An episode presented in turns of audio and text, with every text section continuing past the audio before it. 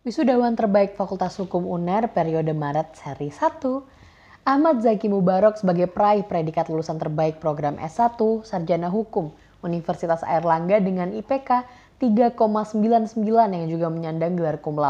Ia memilih judul keabsahan tindakan Direktorat Jenderal Perbendaharaan dalam rangka pelaksanaan program pemulihan ekonomi nasional sebagai tugas akhirnya, yang sejalan dengan peminatannya yakni hukum pemerintahan sebagai seorang ASN Kementerian Keuangan yaitu Direktorat Jenderal Perbendaharaan yang bersekolah dengan dibiayai penuh oleh negara, Ahmad Zaki Mubarok sejak awal perkuliahannya telah berkeinginan membahas tugas pokok dan fungsi bidang direktorat yang dilakoninya.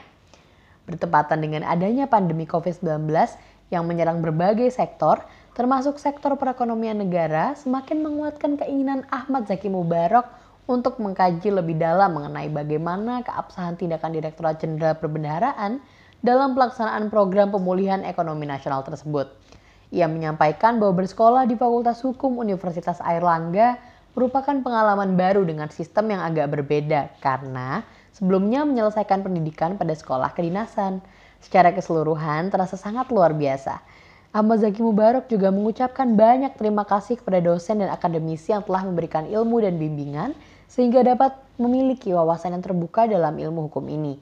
Dan tidak lupa juga kepada pegawai dan pihak-pihak lainnya yang telah mendukung proses perkuliahan selalu berjalan lancar.